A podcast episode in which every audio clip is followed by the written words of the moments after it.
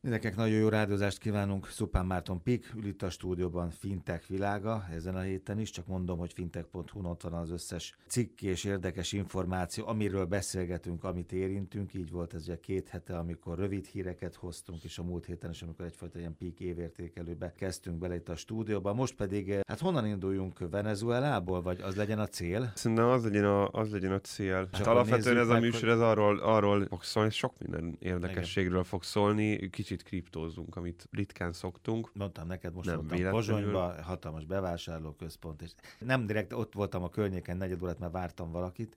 Hát közben nem lépett oda senki, de nagyon klassz automata volt, ilyen csiriviri, világítós, UFO-szerű, mindenfélét váltott, mindenfélét csinált, mindenfélét lehetett ott elkövetni, úgyhogy már ott is van, útkor Poprádi standon találtam ilyet, azt hiszem, hogy a Proper Aquaparkban találtam ilyet. Szóval Jó, kriptopénzek. Igen, igen, nekem egy, egy ismerősöm mesélte a múltkor, hogy hogy, hogy rákerült a laptopjára valahogy egy ilyen zsarolóvírus, Te, zár, zárolt mindent a, a, a laptopján, és uh, kriptodevizában, bitcoin, bitcoinban, kérték, bitcoinban kérték tőle, és kezdve kifizette, és vissza is, vissza is oldották, vagy vissza is csinálták ezt a folyamatot a, a laptopján. Ez azért egyfajta létjogosultság, nem? Tehát hát nem az a létjogosultság, amiről euróban. mindig beszélünk, nem? Igen, hogy igen, a fekete igen. gazdaságot, meg a hasonlót támogatja, segíti elő, mert valószínűleg, hogyha a magyar bankszámlájára kellett volna ráutalni, utalni, akkor hip-hop rájönnek, hogy ki az a, az a hacker, de így, így, így meg teljesen anonim módon ez tud működni, szóval hogy vannak ennek ilyen szépségei. Jó, de a dolog és azt írtad, hogy egy ilyen bemelegítő kört csináljunk pár percben, és legalább három-négy hír, ami azt fogja bizonyítani, hogy egyre több helyen, egyre többféleképpen gondolnak erre a dologra, mint alternatívára.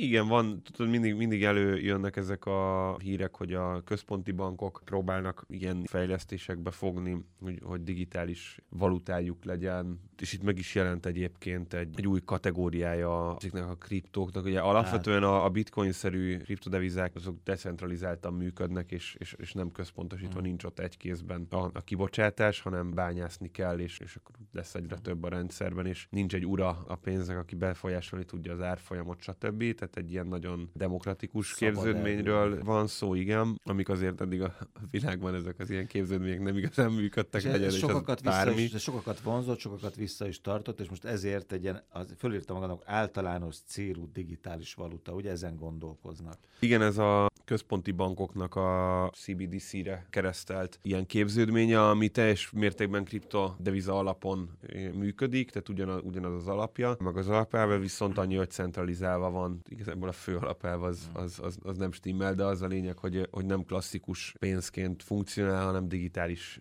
devizaként, és, és legtöbben azért ezt ilyen másodlagos devizaként képzelik el, amit nem feltétlenül visznek a, a nemzetközi piacra, hanem be. Egyébként, hogyha megnézzük például Svájcnak, van egy van évtizedek óta egy, egy saját belső elszámolásra alkalmas devizája. Nyilván nem ennyire modern technológia alapon kerül, vagy technológiai alapon kerül a piacra, de ott ez működik. Nyilván ez jól jött nekik, amikor rángatták össze-vissza a svájci frankot, és a belső devizájuk meg stabil volt, de hogy például ilyenekre ez, ez nagyon jó tud lenni. Meglátjuk, hogy ezekkel, ezekkel mi lesz. Itt én hoztam egy japán hírt, hogy, hogy Japán ilyen. gondolkodik azon, hogy hogyan lehetne digitális ilyent kibocsátani. Az nagyon érdekes volt, hogy ezt a cikket, hogy öt fizetésből Japánban négy készpénzes. Tehát ott, ott egy tulajdonképpen megint át akarnak ugrani, ugrani egy lépcsőt, pont úgy, ahogy a Afrika Amerikáról beszélgetünk, ugye? Tehát a pénzügyi Igen. evolúció egy lépcsőt ugornák át azzal, ha digitális ilyen bejönne. Igen, valamiért ez, ez, ez Japánban vannak ilyen furcsaságok mm. egyébként. Öt vásárlásban négy kp így írtam fel, igen. Igen, igen, igen ami, ami nagyon magas. Nyilván ez, ez darabszámot néz, de talán egy, egy, mert van egy év, hogy beszéltünk róla, hogy, hogy Angliában de le, fele-fele, fele-fele, igen, átlépte az 50%-ot az elektronikus, mondjuk az forgalmi adat volt, de nagyjából azért azt gondolom, hogy ez Ugyanazt így, így pár, párhuzamba állítható. Hoztam még egy ilyen izgalmas hírt, hogy kicsit ez, ez ilyen neobankozás is. Egy uh, Tallinn nevű új neobank képződmény született, ez egy uh, debitkártyát ad, illetve egy Tali nevű, azt mondják, hogy új mainstream virtuális devizát, és kifejezetten, vagy virtuális pénzt igazán így írják. Nagyon érdekes ez a mainstream szó, hogy gondolkodtam hogy miért használják vajon, de valószínűleg azért arra utalnak, hogy a kriptodevizák azok nem mainstream devizák, hanem egy-egy szubkultúra használja mm. őket, vagy egy-egy ilyen, ilyen konkrét célt, és az, az a tervük ezzel, hogy, hogy ez, ez viszont tényleg egy széles körben elterjedt dolog lesz. Na, de ez egy csodálatos időutazás mert ez a digitális technológia, ez is blockchain alapon gondolom működik, de közben arany a fedezete egy igen. talli az egy milligram. Egy milligram arany, Tehát, igen. Hogy hogy hozza össze a De igen, a tulajdonképpen ez egy időutazás, nem? visszamegyünk a, az aranyalapú dollár korába. Aranyfedezethez. Vagy arany, aranyfedezetű dollár korába. És egyébként azt gondolom erről, hogy ez még akár el is tud terjedni, szóval hogy ez, ez tud egy olyan... Mert ez egy konzervatív gondolkodású embernél is teret nyerhet. Így van, és transzparens az átváltási árfolyam, tehát hogy amíg most az, hogy a bitcoinnak az árfolyamát mi mozgatja, arról fogalmunk sincs, hát csomószor arról se, hogy az aranynak az árfolyamát mi mozgatja, de az azért az, az arany az... Az indiai esküvők.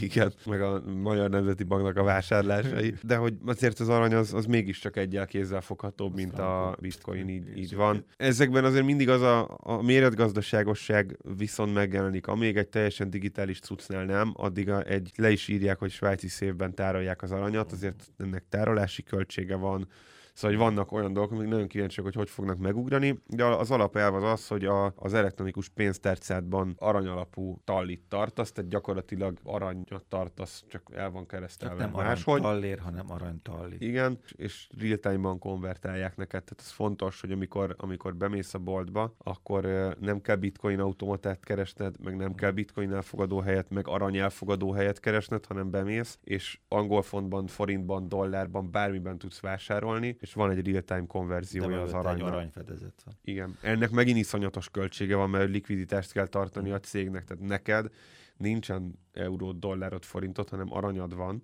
és a, a cég üzemeltetésének kell garantálnia azt folyamatosan a Mastercard kártyáról van szó, a Mastercard felé, hogy amennyit az emberek fizetnek, és real-time-ban ő átkonvertál, és azt mondja, hogy igen, te most elköltötted az aranyadat itt, vagy a tallidat, az a cégnek a számláin megvan devizafedezetként. Szóval, hogy, hogy, hogy vannak méretgazdaságosság. Ha elég nagyok, nagyok tudnak nőni, akkor ez, ez költséghatékonyan is jól tud működni, ha nem, akkor meg nem. Na kanyarodjunk rá akkor a, a fő témára, ez volt az előjáték, mert hogy jön Petro, Venezuela kriptovalutája, de nagyon jó Petro, de nagyon jó a, a név is, ugye, mert igen. Petro Leum. Igen, igen. És itt Olaj. alapvetően, uh, uh, igen, köszönöm.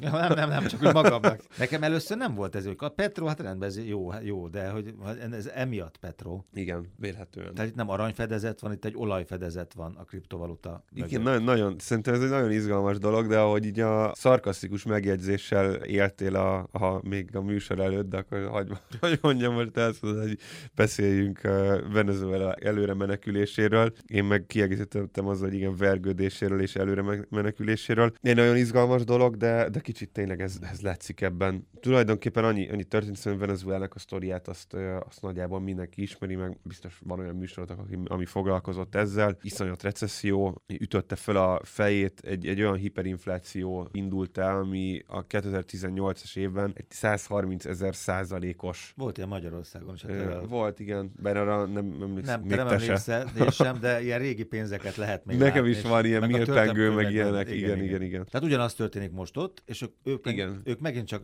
evolúciós Igen, csak annak idején Imrédi Béla nem vezetett be kriptodevizet, hanem, hanem, hanem a forintot. Mert a blockchain még nem állt rendelkezésére. Így, így van. Szóval ők nem az, nem az új forintot hozták ki, amúgy nagyon izgalmas sztori indult el, mert hogy teljesen ketté szakadt a, a deviza gazdálkodása, stratégiája Venezuelának. Létrehozta Venezuela elnöke, aki okol mindenki gyakorlatilag a recesszióért, és mindenféle szankciókat vetnek be folyamatosan, vagy vetettek be ellen és az ország ellen. Létrehozta a Petrót, ami, ami úgy néz ki, hogy egy Petró az, az egy kordó venezuelai olajnak felel meg, ez a fedezete, és ezeket elkezdtek tokeneket kibocsátani, ugyanúgy, mint egy néhány héttel ezelőtt az ICO-król beszélgettünk, mint egy ilyen nyilvános érmekibocsátásnál, de nem csak abban bízik, hogy ez majd alulról elterjed, hanem kötelezővé teszi. Elkezdte kötele, szóval igen. Casino, nem Casino Royal, hanem Casino Petro. Igen, létrehoztak egy olyan kaszinót, ami csak Petro alapon működik. Kötelezték a légitársaságokat, így van, hogy a, hogy a nemzetközi járataik esetében a, az üzemanyagért, ami véletlenül állami forrásba kell értékesítése Petróval fizessenek, ezzel gyakorlatilag,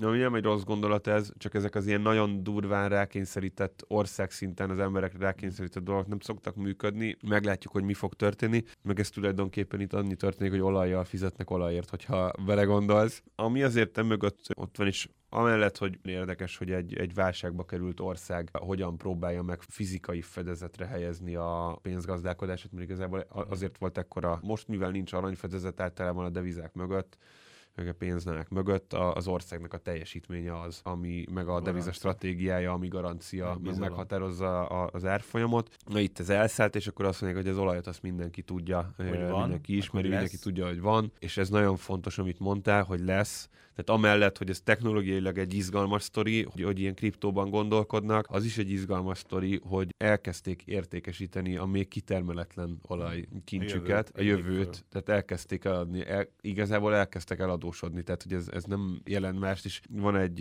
venezuelai szervezet, aki konkrétan kimondta, hogy ő nem ismeri, viszonylag ilyen magas szintű államtól függet. Hát kávé olyan, mint, mint itt a Nemzeti Bank, mint a Nemzeti Bank. Hát Nemzeti Banknak igen a piacfelügyeleti osztálya volt SAF, egy ilyesmi szervezeten egy kicsit komplexebb, ki azt mondta, hogy ő ezt nem ismeri el, ezt tulajdonképpen Venezuela a jövőben kitermelendő olaj kincsére hivatkozva adósítja el az országot. Szerintük ez semmi más, mint egy trükkös kötvénykibocsátás, amiben egyébként van, van valami. És még egy nagyon izgalmas dolog körvonalazódott bennem ezzel a témával kapcsolatban, az pedig az, hogy uh, ugye az olaj az azért egy jó konstrukció ez, vagy azért gondolhatnánk, hogy ez egy jó konstrukció, mert az olajnak van egy exakt tőzsdei ára. Hát jó, de azért az is lehet 50 dollár, meg lehet 100 dollár, láttuk. Az egy dolog, hogy az mozog, és volatilisem Igen. mozog. Tépen megint a napokban azért eléggé, vagy az elmúlt egy-két hétben beindult a, a, a mozgás. De igaz, nem csak ennyi valamihez Igen. az aranynál. Nem a, a volatilitás a, a probléma itt, hanem az, hogy fogta, és amikor nem ment olyan szinten a Petrónak az aukciója, 100 millió darabot akartak kibocsátani első körben, az öt, öt akkori árfolyamon 5,9 milliárd